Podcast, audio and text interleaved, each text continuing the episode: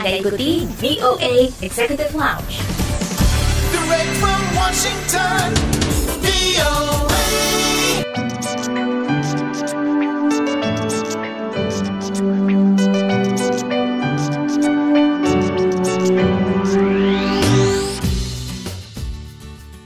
Halo apa kabar dari Washington DC, Ronan Zakaria kembali hadir menemani Anda dalam VOA Executive Lounge.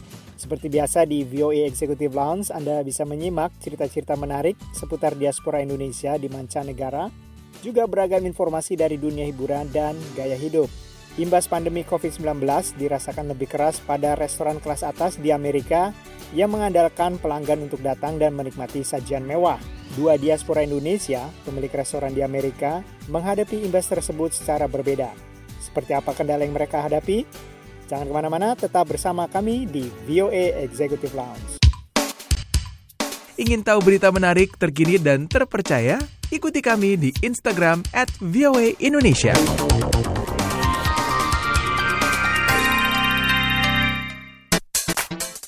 Pandemi COVID-19 menghancurkan industri restoran. Padahal industri tersebut mempekerjakan lebih dari 15 juta karyawan dan diproyeksikan menghasilkan sekitar 899 miliar dolar tahun ini.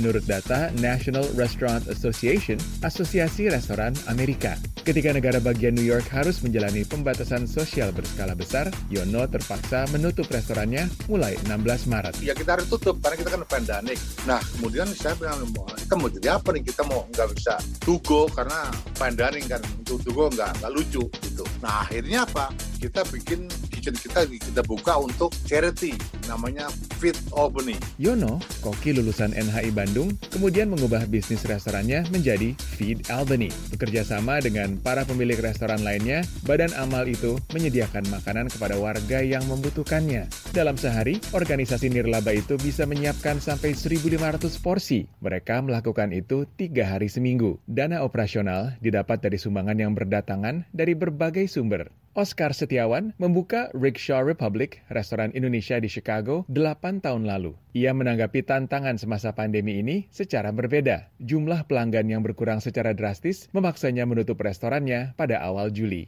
William Wongso, chef dan pakar kuliner Indonesia, mengakui pandemi ini pukulan yang luar biasa keras bagi dunia restoran dan sangat tidak terduga. Pandemi tidak banyak memberi peluang kepada pengusaha restoran menggunakan kreativitas dalam industri kuliner. Sekarang itu realita, bukan soal kreatif. Sekarang gini, orang itu kalau sudah nggak bisa ke mana-mana, kembali lagi kalau urusan makanan, dia akan kembali kepada comfort food. Dia akan mau makan makanan yang dia familiar, makanan sehari-hari, bukan makanan yang fancy. Jadi siapa pun juga kreasinya harus balik lagi back to basic. Sejauh ini, Yono bertahan dengan Feed Albany. Walaupun pasrah, ia tetap optimis. Ya kalau sekarang saya pikir ya just just pray ya. Tapi kita harus positif ya. Karena apa? Karena ini ini kan usaha kita dan our life ya. Jadi kita harus berusaha dan berdoa. Sekarang kita bukan sendirian.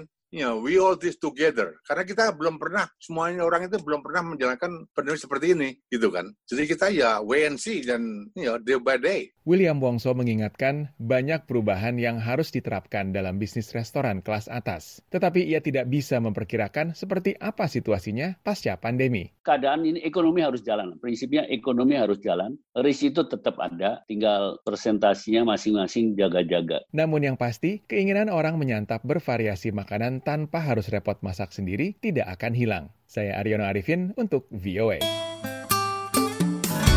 The voice of America.